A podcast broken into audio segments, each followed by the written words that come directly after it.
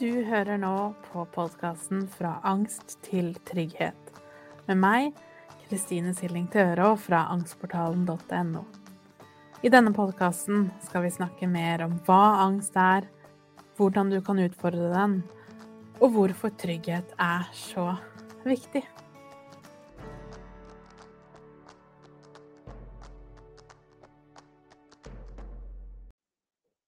Hei og velkommen til episode nummer 11, hvor temaet er pårørende.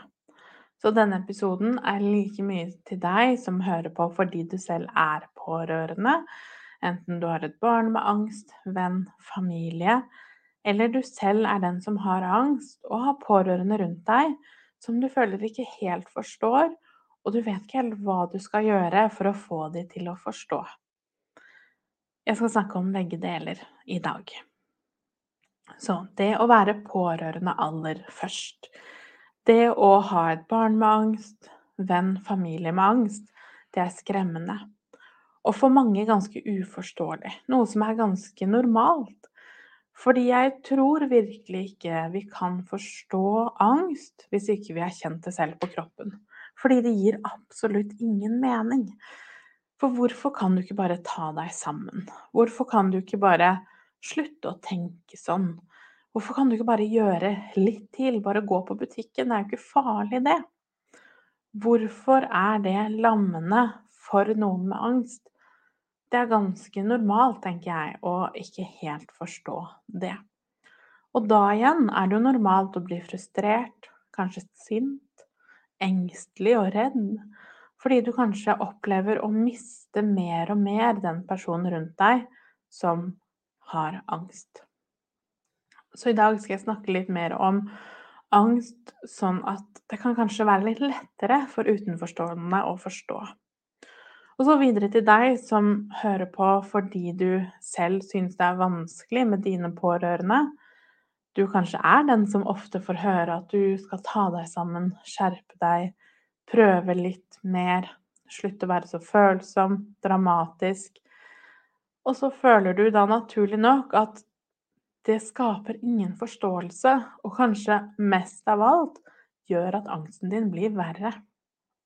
Fordi at du skammer deg sånn. Vi skammer oss gjerne nok fra før av. Og i tillegg nå så blir vi nærmest påført skam fra de rundt oss for selvfølgelig, hadde det vært så enkelt at vi hadde bare skjerpa oss eller tatt oss sammen, så hadde det jo ikke vært noe problem. Så hvordan kan vi enten forstå angst som utenforstående, eller forklare angst til andre? Det jeg tenker, er at det å skape en mest mulig logisk kobling til angsten, det gir mening for de fleste.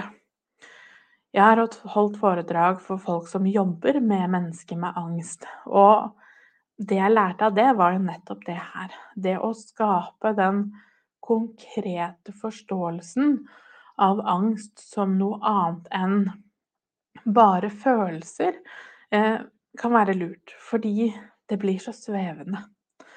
Så det å forstå hva angst gjør med kroppen rent fysisk, det er viktig. Og da, hvis du går tilbake til episode nummer tre, hvor jeg snakker om de fysiske symptomene, så går jeg mer i dybden på det. Hva skjer i kroppen når du har angst? Hvordan stresshormonene skytes ut i kroppen. Og den logiske delen av hjernen vår blir rett og slett koblet av, som gjør at det vi blir stående igjen med, det er jo fight or flight, eller frys. Eller andre reaksjoner òg, men hovedsakelig er det jo fight, flight, frys, som gjør at kroppen din overstyrer alt annet i kroppen for å gjøre deg klar til å enten flykte fra faren og beskytte deg fra faren ved å kjempe, eller å fryse, som for noen kan bety helt rent fysisk ikke helt klare å bevege seg, eller fryse i følelsene, som at du blir helt nummen. Du klarer ikke helt å finne på hva du skal si, gjøre, tenke. Alt blir litt numment og litt uh, grøtete. Så angsten påvirker kroppen vår helt fysisk. Og det skal ganske mye til å overstyre det. For er det én ting vi er designa for som mennesker, så er det jo overlevelse. Det å klare å kjempe eller flykte fra farlige situasjoner, det er det viktigste av alt. Og alt i vår biologi handler om overlevelse hele veien. Og da har vi jo et ganske finurlig og fantastisk system i kroppen som hjelper oss med det. Men så for noen av oss så har det eh, symptomet, eller eh, det systemet i kroppen, gått litt amok. Som gjør at veldig, veldig mye blir plutselig farlig, selv om det rent konkret eller objektivt ikke er det.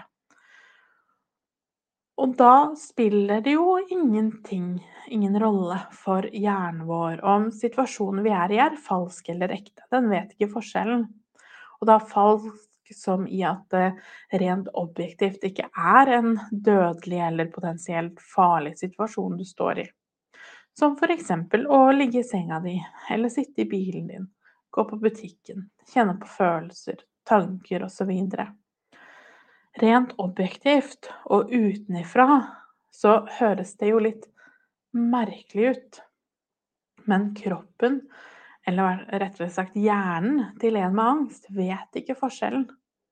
Den vet ikke forskjellen på om det som nå skjer, eller det at jeg fikk hjertebank nå, betyr at jeg kommer til å dø, eller om dette var en, en falsk hendelse, altså en, en angsthendelse. Og kroppen reagerer da på nøyaktig samme måte. Og det er det så viktig å tenke på å virkelig arrestere seg selv på når vi snakker angsten ned, eller vi, vi, bruker setninger eller ord som antyder at det ikke er så ille. At nå må du bare roe deg ned. Og vite at hvis personen med angst kunne gjort det, så hadde vi ikke hatt angst. Det er absolutt ingen her i verden som velger å ha angst fordi at det er noe som helst positivt ved det. Og jeg er helt sikker på at du har hørt selv, om du hører på fordi du har angst, at du gjør det for å få oppmerksomhet, eller at du sier det til deg selv, at du føler at det er bare derfor. For å få oppmerksomhet, for å være dramatisk, for å få noe ut av det. Egentlig er du bare lat og ikke gidder. Eh, det må vi begynne å tenke oss om to ganger før vi sier til andre eller sier til oss selv. For hadde det vært så enkelt at det bare var rein latskap, så hadde vi gjort noe med det. Fordi at det stigmaet og den opplevelsen av å ha angst, det er helt forferdelig, og det ødelegger liv. Og mange har hatt det sånn i tjuevis av år. 20, 30, 40, 50 år. Og det er klart, det er det ingen som vil. Så hadde vi hatt en magisk pille som hadde tatt vekk, så hadde vi gjort det for lenge siden. Så det vi alle må forstå og minne oss selv på, er at det er høyst reelt. På samme måte som hvis noen hadde brukket et bein og måtte sitte med beinet høyt, så vil det ikke hjelpe den personen å si at nå må du bare begynne å bare gå på det. Slutt å bare sitte der, det er jo bare latskap, eller du overdriver. Bare begynn å gå på det. Mm, og det føles jo helt merkelig å si til noen som har brekt beina, at det vil hjelpe på noe som helst vis. Og tvinge de til å bevege seg når benet er brukket. Og sånn er det jo egentlig med angst òg. Men allikevel så er det mer godtatt på noe vis å pushe folk med angst til å gjøre ting som jo egentlig er brukket. Så det vi heller må gjøre, er jo å jobbe med hva kan vi gjøre for å skape trygghet. Det er aldri i verdens historie skapt trygghet å pushe noen til å gjøre noe de ikke er klar for å gjøre. Det skaper utrygghet. Så hva kan du gjøre for å gi trygghet til personen det gjelder? Og det vil jo være helt, komme helt an på personen, type angst osv. Men i starten, det å spørre 'hva trenger du nå?' Det å lage en slags protokoll for deg og den personen det gjelder, for hva du kan gjøre for å hjelpe. For noen ganger kanskje man trenger avstand, andre ganger trenger man kanskje en klem. Noen ganger trenger man råd, andre ganger trenger man bare å snakke og sette ord på ting. Så hva er det du kan gjøre? Og et godt sted å starte er jo alltid spørre vil du nå ha et råd, eller vil du at jeg skal lytte? Fordi at da kan personen med angst selv bestemme, og selv øve på selv og kjenne etter ok, hva er det jeg egentlig trenger. For det er ikke gitt det heller at personen med angst vet hva man trenger. Sannsynligvis vet de ikke det, fordi at alt er kaotisk. Så dette her er jo noe vi kan øve på sammen. Sånn at du som pårørende kan øve på å stille de riktige spørsmålene og ansvaret til den som har angst, vil jo være å kjenne etter selv og kunne sette ord på. For veldig mange med angst vil jo også kjenne på eh, vansker rundt det å be om hjelp, og vansker med at andre skal være der for de. Fordi vi skammer oss, og vi føler at vi ikke skal dra andre ned med vårt mørke. Så dette her går jo begge veier. Vi begge må øve på hva det vil si å støtte. Og på andre enden av bordet øve på hva det vil si å få støtte og be om hjelp. Og for de fleste så vil det starte med spørsmålet hva trenger du nå? Trenger du at jeg skal lytte, eller at jeg skal gi deg råd? Og det vil være veldig opp og ned hva som er riktig til ethvert tidspunkt.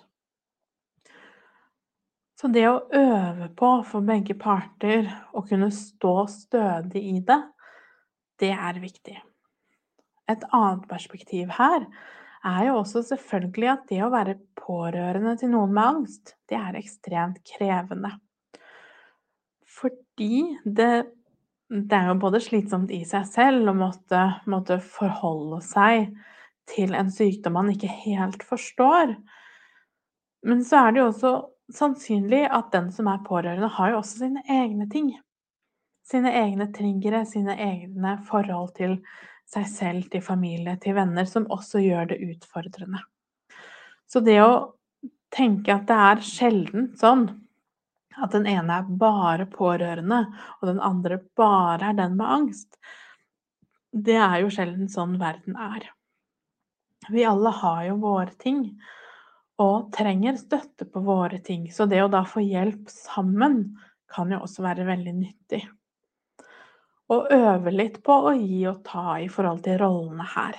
Men det er klart, noen ganger så vil jo det være veldig tungt den ene veien hvis den ene parten har veldig sterk angst, så vil det være vanskelig i en periode, kortere lengre periode, å ta noe annet perspektiv. Så det at du som pårørende sannsynligvis vil ha behov for hjelp utenifra, er også viktig å poengtere. Det å snakke med enten andre pårørende Eh, få behandling selv, eller rett og slett ha noen å snakke med. Og det trenger ikke å være en fagperson. Det kan være en, en venn, en familie, et familiemedlem. Noen som kjenner deg og situasjonen, som kan også hjelpe deg til å sette ord på det som er krevende. Jeg får ganske ofte henvendelser fra foreldre som har barn med angst, og som opplever at systemet er litt vanskelig som kanskje ikke opplever å få den støtten de trenger i skolen, hos eh, helsesykepleier eller hos legen, BUP osv. Så, videre. Så det å alltid minne seg på at det alltid er mulighet for å finne noen å snakke med, men veldig ofte så trenger vi å lete litt. Eh, det er sjelden sånn at vi treffer blink første forsøk. Så det å vite at du sannsynligvis kanskje må lete litt utenfor skolen, og selvfølgelig, noen skoler er helt fantastiske og har veldig mye kunnskap. Men naturligvis gjelder ikke det alle. Og da er det jo skolen som har et problem, ikke du. Sånn at det at du trenger støtte og hjelp, det, det er veldig forståelig. Og det går ikke bort selv om, om kanskje skolen ikke har noe særlig kunnskap om angst. Så det vi da trenger å gjøre, er å lete litt utenfor. Finne likeverd, likesinnede, eller finne andre terapeuter. Eh, en ting som har vært veldig viktig for meg i Angstportalen, er jo nettopp når jeg har fått eh, terapeuter som er tilknytta portalen, så skal jo det være folk som selv har kjent litt angst på kroppen. For jeg tror virkelig det at det er vanskelig å forstå situasjoner som det her hvis man ikke har kjent litt på det på kroppen selv. Ehm, så det å høre med noen av de, f.eks. hvis du går til angstportalen.no, eh, hvis du er, er, medlem og du er logga inn, så kan du trykke på 'bestill samtaler', og der får du oversikt over terapeutene som, eh, som er tilknytta portalen, og du kan lese litt om de, sånn at du får litt bakgrunnshistorie òg. For det er også noe jeg savner veldig, og har savna selv, i, i jakten etter egne terapeuter er jo at det er ofte vanskelig å, å ha noen forståelse av de før man bestiller. Skal du ha en psykolog f.eks., så har du kanskje bare en mailadresse eller telefonnummer. Du har ingen informasjon om de, hvordan de er som personer, hva de liker å jobbe med, hvordan de jobber. Og da er det ikke så rart at man trenger ganske mange forsøk før man finner en som passer for deg. Så derfor så har jeg Eh, vært opptatt av at vi skal ha litt utfyllende informasjon, og at de må være med på litt livesendinger, sånn at du virkelig kan bli kjent med de, se ansiktet. Eh, og jeg tenker det er ganske mye vi, vi opplever ut av bare det å se et bilde av noen. Så kan vi gjerne se er dette et menneske som kanskje kan passe meg eller ikke. Så det å prøve forskjellige folk, det er viktig. Det gjelder enten om du er pårørende eller er den som har angst. Og det da å lære hva handler angst egentlig om, på et helt grunnleggende fysiologisk nivå. At det er ingen som kan skjerpe seg, men det er også veldig naturlig å føle det som pårørende. Det er veldig naturlig, for det gir jo absolutt ingen mening. Og det er så frustrerende når man selv står utenpå, og det sier jeg selv som pårørende til andre, eh, så er det frustrerende, selv for meg, med den stillingen jeg har og mine opplevelser, kan fortsatt kjenne på den frustrasjonen over 'men kan du ikke bare?' Ikke sant? Så det er veldig naturlig å føle på det, fordi vi har et helt, helt, helt annet perspektiv, vi som står da litt på utsiden, som da den personen i sentrum ikke har. Og derfor blir det frustrerende. Vi må kjenne på våre egne ting, våre egne triggere, og derfor trenger vi også noen å snakke med. Så for å oppsummere Er du pårørende eller har pårørende som du har lyst til skal forstå deg bedre, så handler det om å lære mer om angst. I Angstportalen har jeg et eget kurs for pårørende hvor jeg snakker om angst i et helt grunnleggende perspektiv. Hva skjer i kroppen? Hva skjer i hjernen? Hva handler dette her egentlig om? Det å snakke om litt løse følelser og tanker, det kan det være ganske vanskelig å egentlig forstå som utenforstående. Og det er helt greit, det er helt normalt. Så det å starte et annet sted er viktig. Og videre det å skape en god kommunikasjon mellom den som har angst og den som er pårørende, er viktig. Det kan starte, som sagt, med spørsmål som Hva trenger du nå? Trenger du å snakke, eller trenger du råd? Og så kan vi ta det derfra. Det kan også være at du, dere snakker sammen når personen ikke har så høy angst, og har evnen til å være litt logisk og spørre Hva pleier du å trenge? For noen, som sagt, kan det være at jeg trenger å være helt alene i en halvtimes tid før du kommer og stiller meg spørsmål. Eller det kan være at jeg trenger at du holder rundt meg. Jeg trenger at du henter et glass vann. Jeg trenger at du setter på denne musikken. Jeg trenger at du kjører meg litt rundt i bilen. Så hva er det personen trenger?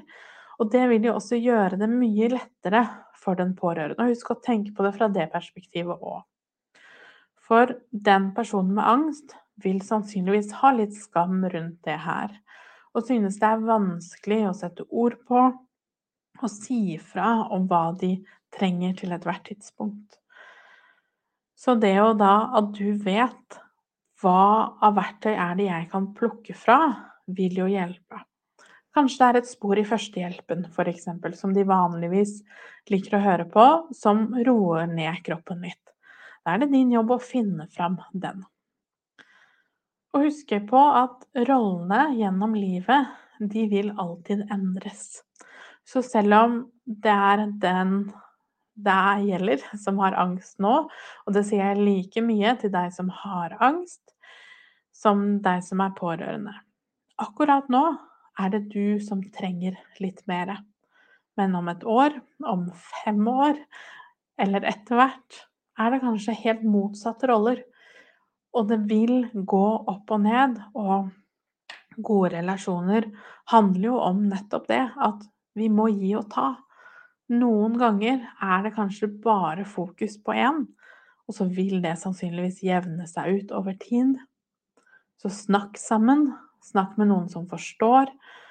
Enten hver av dere hver, hos hver deres terapeut, med deres egen at dere går sammen. Snakke med barnet. Enten om du har barn og du selv har angst, eller det er barnet som har angst. Snakke sammen og gjøre dette her så konkret og normalt som mulig. Det tenker jeg er det absolutt viktigste. I neste episode så skal jeg snakke mer om det med å føle på følelsene. Fordi jeg vet det er noe som er vanskelig. Ehm, det er ikke sikkert det gir så mye mening når jeg sier ord, eller andre terapeuter sier ord som å føle på følelsene. Hva betyr det egentlig helt konkret? Så da skal jeg snakke litt mer om det i neste episode, og gi litt mer konkrete tips og råd angående det. Så frem til neste gang, ta godt vare på deg selv.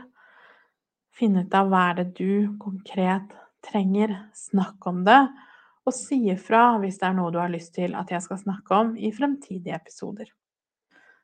Ha en fin dag. For å lære mer om angstmestring og mine metoder, så går du til angstportalen.no. Du finner meg også på Instagram som Angstpedagogen og på Facebook som angstportalen.no. Der har jeg også en gratis Facebook-gruppe hvis du har lyst til å komme i gang og bli kjent med andre som har det på samme måte.